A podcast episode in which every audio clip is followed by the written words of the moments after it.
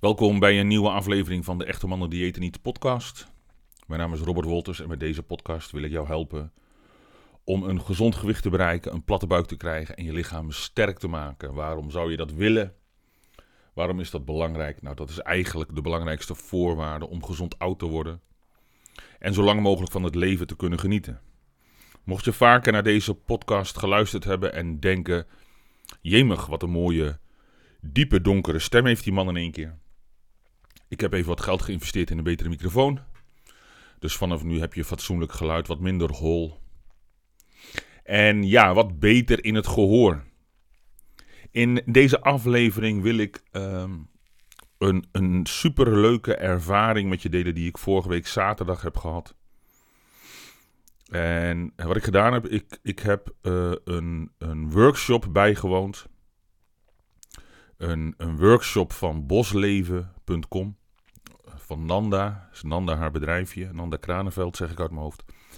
En die workshop die ging eigenlijk over oerkoken. Dus hoe kun je koken op open vuur? Welke technieken zijn er allemaal om op een hele primitieve manier met open vuur eten klaar te maken? En um, die, die uh, oerkookworkshop die werd voorafgegaan aan een uh, wildplukwandeling.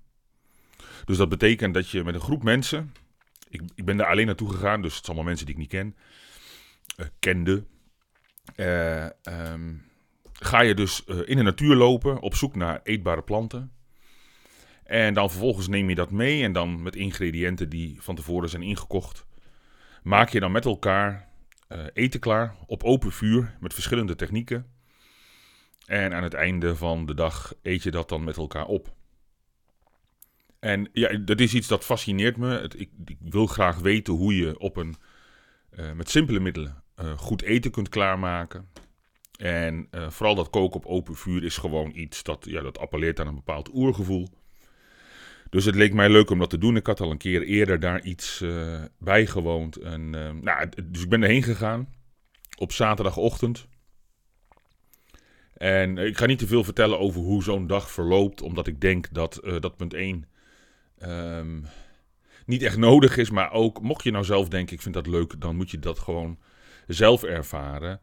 Um, maar wat, ja, wat, wat bijzonder is aan zo'n dag, is dat het um, heel erg past binnen het vormen van een idee over wat gezond leven is. Op het moment dat je daar komt en je gaat rond het vuur zitten en, en een kleine voorstelronde, daarna ga je buiten in de natuur lopen. Je moet je voorstellen, je loopt dan buiten in de natuur rond half tien op, op, op een zaterdagochtend in februari. Wat is er dan te eten in de natuur? Er is natuurlijk bijna niks. Er zitten geen bladeren aan de bomen, de struiken zijn kaal ja, toch blijkt er dan nog wel uh, het een en ander eetbaar te zijn. Uh, maar dat zijn allemaal hele kleine plantjes. Veldkers en, en zuring, bepaalde vormen. En uh, dus dat hebben we geplukt. En, en die plukzakken zaten ook wel vol. Maar je komt eigenlijk heel snel tot de conclusie dat er in de winter eigenlijk niets te eten is. Uh, voor wat betreft uh, planten, wat er groeit. Hè. Je kunt een, een pesto maken en, en kruidenboter was super lekker. Maar het is belangen daar niet genoeg om je te voeden. En je ziet eigenlijk meteen dat in het, in het noordelijk halfrond waarin wij wonen, ben je in de winter gewoon afhankelijk van dierlijk voedsel. En nu, nu is dat een koe of een kip of een varken. En, en, en langer, langer geleden waren dat zwijnen, herten, konijnen, vogels. Dus een oorspronkelijk eetpatroon, hè, een oorspronkelijke voeding, wat een van die pijlers is van echte mannen die eten niet, dat is natuurlijk heel erg afhankelijk van waar je woont. Er is geen blauwdruk. Mozes kwam niet van de berg met een uh, steen waarin staat: dit is het eetpatroon. Het is natuurlijk heel erg afhankelijk van de plek op aarde waar je woont. Maar in het deel van de wereld waarin wij wonen, zijn er gewoon te weinig planten om van te leven in de winter. Eigenlijk ook in het najaar en deel van het voorjaar. Dus dan ben je aangewezen op dierlijk voedsel. Dus je kunt van alles vinden over gezond eten. Je kunt van alles bedenken. En er zijn allerlei theorieën en ideologieën. En mensen maken elkaar af op social media. Maar als je gewoon in de natuur loopt en je kijkt wat daar te eten is, dan geeft moeder natuur geeft je het antwoord. Dus dat, dat is alleen maar mooi om nog een keer bevestigd te zien. Op het moment dat je daar met een stel mensen loopt en, en degene die dat begeleidt, die kan je precies vertellen wat kun je eten, wat kun je niet eten. Ja, dat is gewoon heel erg weinig. En gelukkig is er wel wat groen. maar om jezelf of je gezin of een hele stam in leven te houden. Om het even in de context van vroeger te plaatsen. Ja, ben je gewoon aangewezen op dierlijk voedsel. Nou, vervolgens, als je dat dan allemaal bij elkaar brengt en je gaat met elkaar koken, dan ehm, valt ook meteen op dat dat een, een proces is wat heel veel tijd nodig heeft. Hè, wanneer je uh, de keuken inloopt en je wil wat eten, nou ja, als het een broodje is of iets anders of zo, meestal binnen vijf minuten ben je al aan het kouwen. Als het een maaltijd is die je zelf moet klaarmaken, ja, dan doet het een half uur, drie kwartier voordat je rijst of je aardappels klaar is. Maar dan is het eigenlijk wel uh, gedaan en kun je gaan eten. Ja, dit is met koken op open vuur totaal anders. Um, in zo'n groep worden de taken verdeeld en ik heb samen met iemand anders heb ik een letsvuur gemaakt. Dat, dat, dat, dat, dat heb ik gewoon geleerd, hè. ik, heb de ballen verstand ervan, maar uh, wat een letsvuur is, is een, is een, uh, een stam.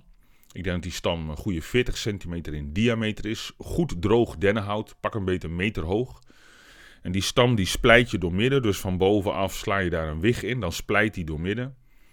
En dan uh, hak je hem aan de binnenkant een beetje uit in het midden, pak een beetje 10 centimeter, zodat er een holte ontstaat van boven naar beneden. Dus over de hele lengte hak je dat ding 10 centimeter uit. En dan doe je die twee helften weer aan elkaar. Met een bandijzer. Dat ging vroeger natuurlijk met een touw of wat. En de zijkanten smeer je dicht met leem, zodat die luchtdicht is. Dus wat er eigenlijk ontstaat, is een hele dikke pijp. En aan de onderkant hak je dan nog een paar centimeter hout weg, een soort gleufje naar die pijp. En vervolgens met wat krullen van berkenbast, wat, wat vol zit met hars, wat heel makkelijk brandt, wordt die dan aan de onderkant aangestoken. Verder niks. Dus het is gewoon alleen maar dat stuk hout, dat wordt aangestoken, dat vat dan vlam. En door de trek die ontstaat uh, in, die, in die holte, komt dat vuur met, met heel veel kracht en heel veel warmte, komt dat eruit. Dus we hebben daar een pan boven gehangen en die was gevuld met olie. En die olie werd heet genoeg om te kunnen frituren. Dus dat heb ik gedaan, zoete aardappel friet gefrituurd. En iemand anders had uh, bitterballen gemaakt. Dat was ook een recept, veganistische bitterballen. Waren trouwens erg lekker. Uh, en de grap was, die jongen was een Ier. Dus een Ier die maakte vegetarische bitterballen, veganistische bitterballen. Dus die heb ik gebakken in die, in die hete olie. En dat is natuurlijk prachtig om te doen. Hè? Dat, dat, dat, zo'n ding hakken, wat, wat wil je nou nog meer? Gewoon lekker buiten hakken, fikkie stoken. Het is, het, ik vind het prachtig.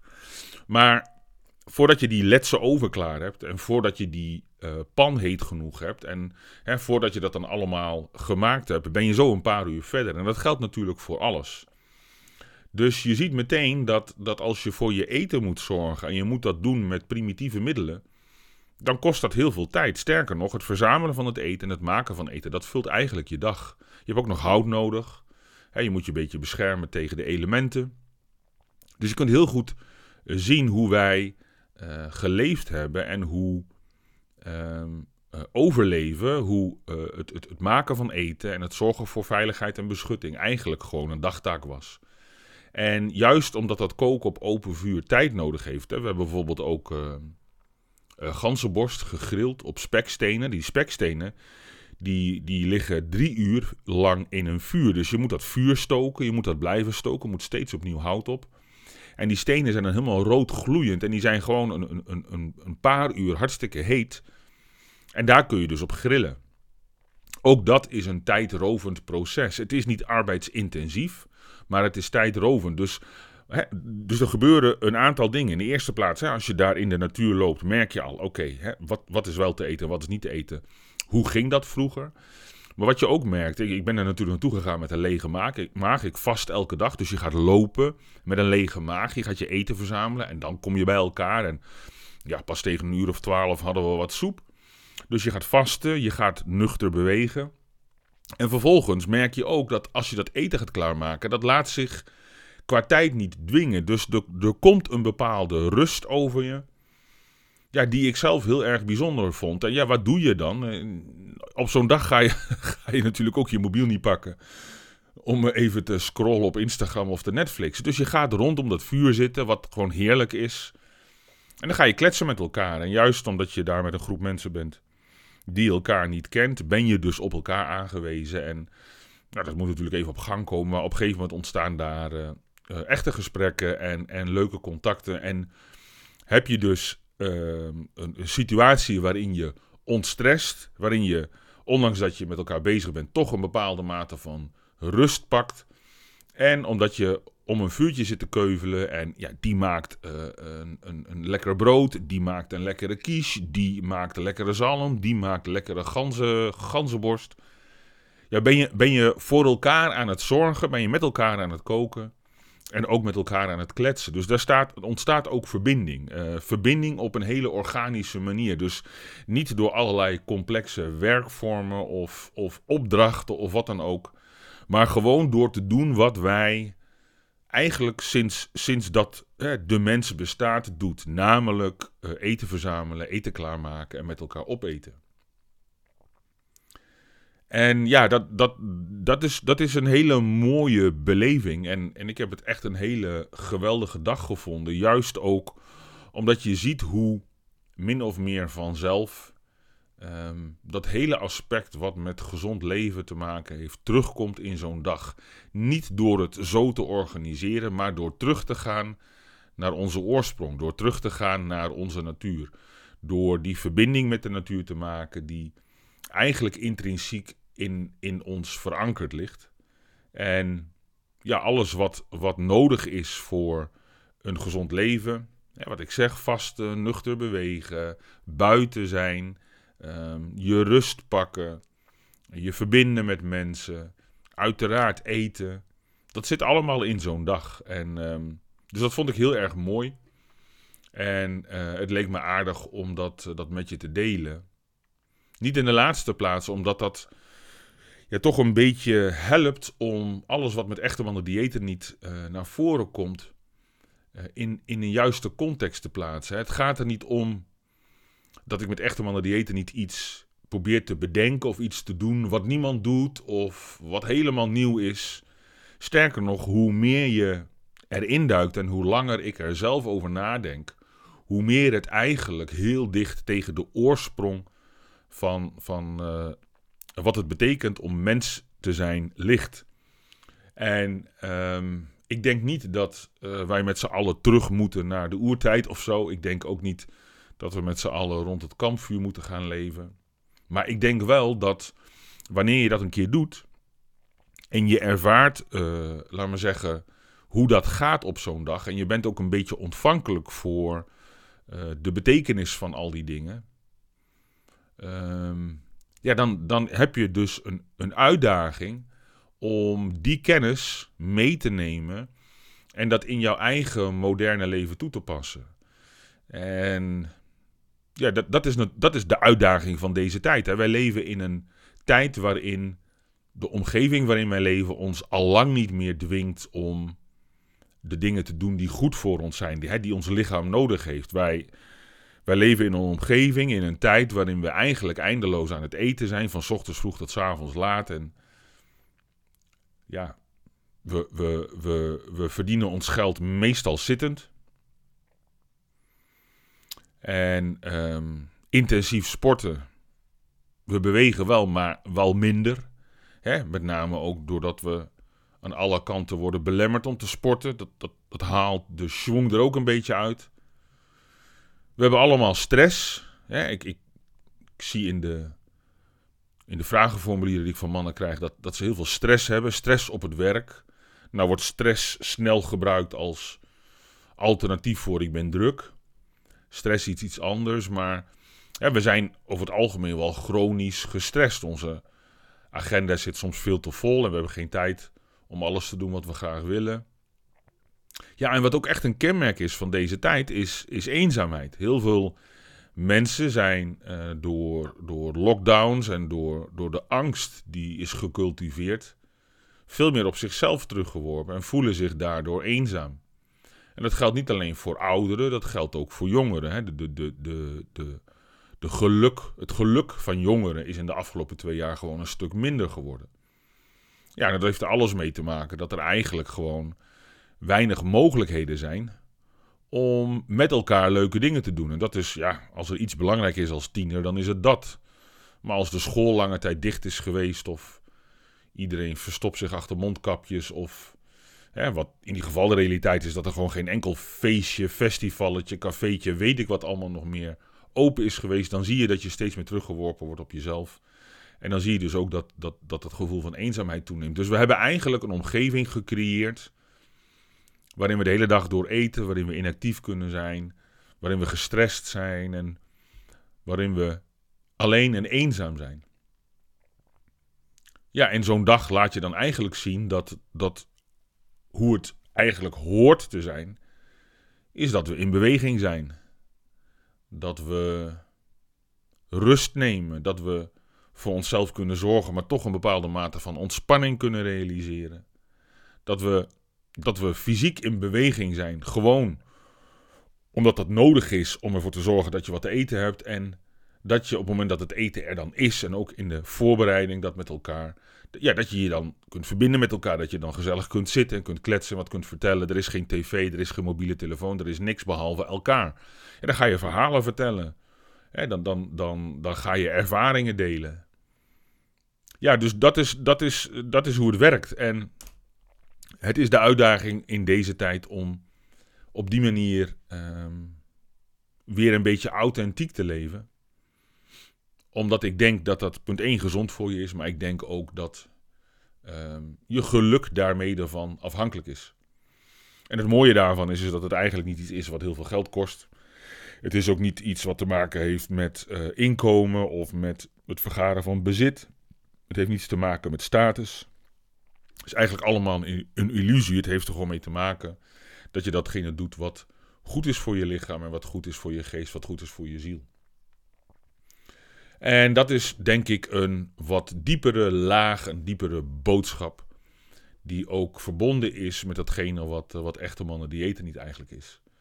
En ja, het is, het is meer dan alleen maar een afvalprogramma. Sterker nog, ehm, in de afgelopen weken heb ik wel, echt goed nagedacht over hè, waar ik met echte mannen diëten niet naartoe wil. En, en eigenlijk kun je gewoon op basis van de ervaring van mensen die in het programma zitten. Gewoon zien dat het, het, je bloeddruk gaat omlaag, je cholesterol verbetert, testosteron verbetert. Je, je ziet bij iedereen die, die meedoet, ook de mannen die in het begin nog niet afvallen, ja, ik zit toch wel beter in mijn vel. Ik, ik heb meer energie. Uh, van sommigen krijg ik terug dat ze gewoon meer zelfvertrouwen hebben. Een aantal beslissingen in hun leven hebben genomen waar ze lang tegen aanhikten. En toch het idee hebben dat ze nu steviger in het leven staan. Ja, dat is natuurlijk mega waardevol. En ja, los van een programma is Echte Mannen Dieet niet ook gewoon een community.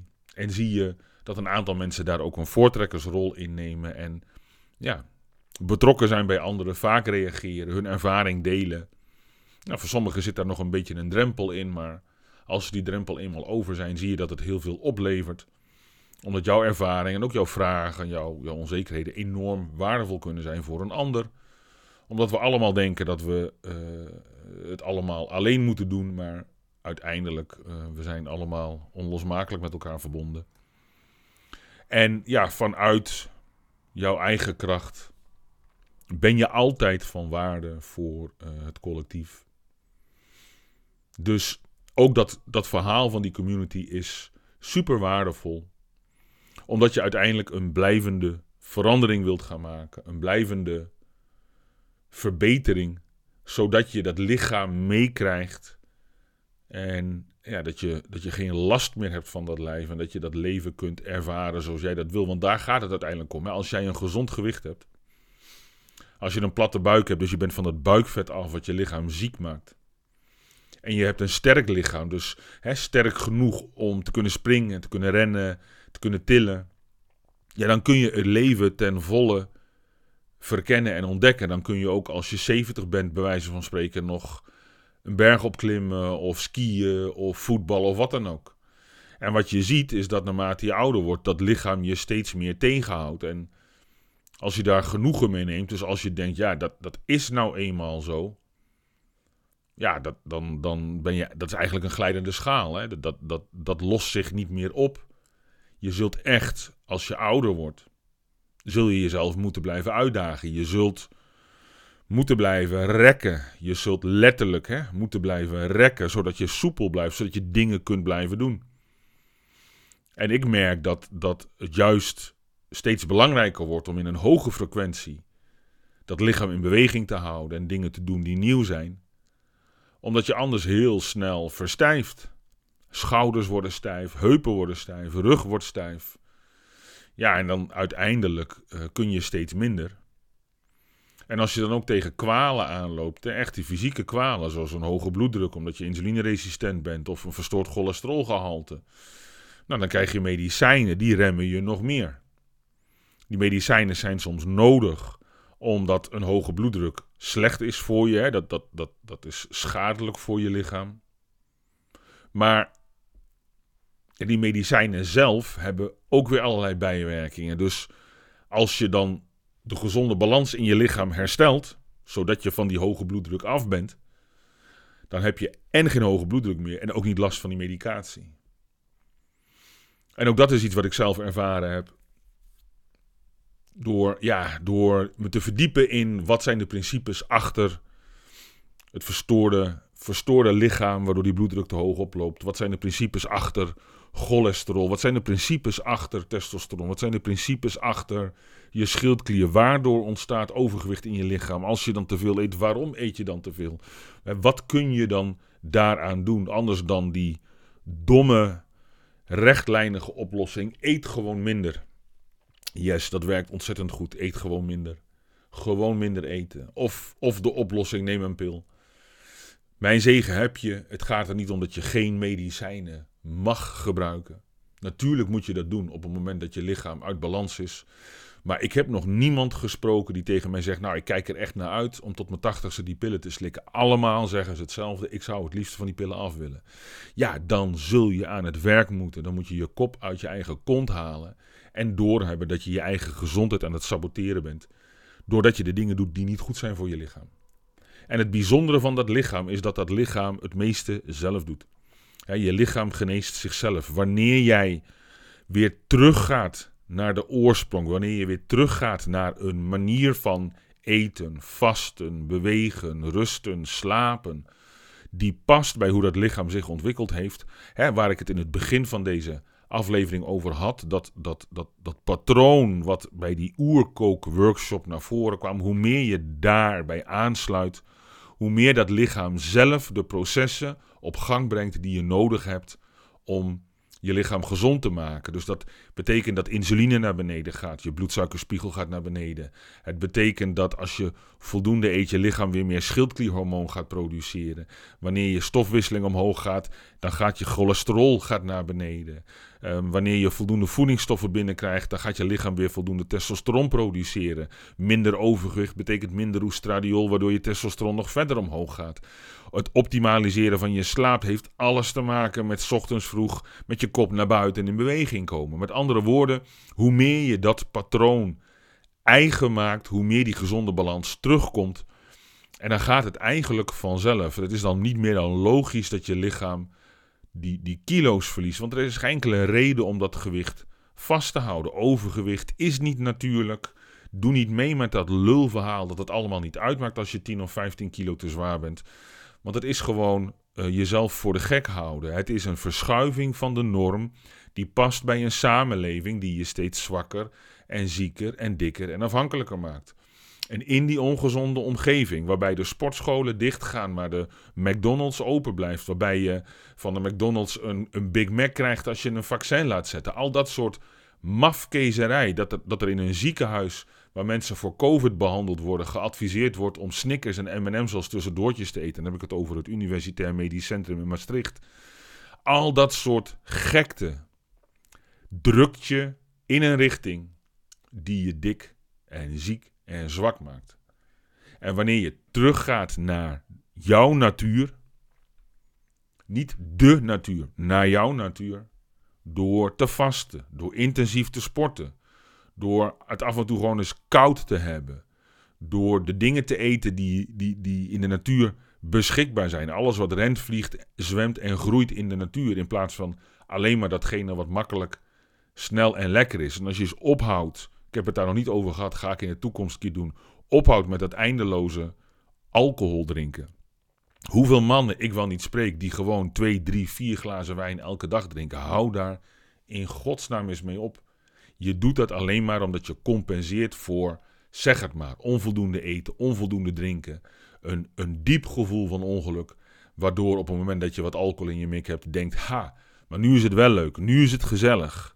Het zijn allemaal signalen. Signalen die jouw lichaam, jouw leven aan jou geven. Die jou helpen om een richting te kiezen. Waarbij je weer terugkomt bij wat je in essentie bent. En als je dat doet, zul je merken dat je veel en veel gelukkiger bent. Dat je veel beter in balans bent. Dat de omstandigheden waarin je leeft veel minder invloed hebben op hoe jij je voelt. Ja, en vanuit zo'n situatie kun je ook echt een verbinding maken met andere mensen. Maar je zult merken dat ook als je alleen bent, dat dat dan niet betekent dat je eenzaam bent. Sterker nog, daarin zit juist een enorme kracht. Daar komt een enorme rust vandaan. Alright, ik ga het daarbij laten. Tot zover de filosofische beschouwingen van Robert Wolters. Ik denk dat je er wat aan kunt hebben. En uh, rest mij jou een fijne dag te wensen en tot een volgende keer.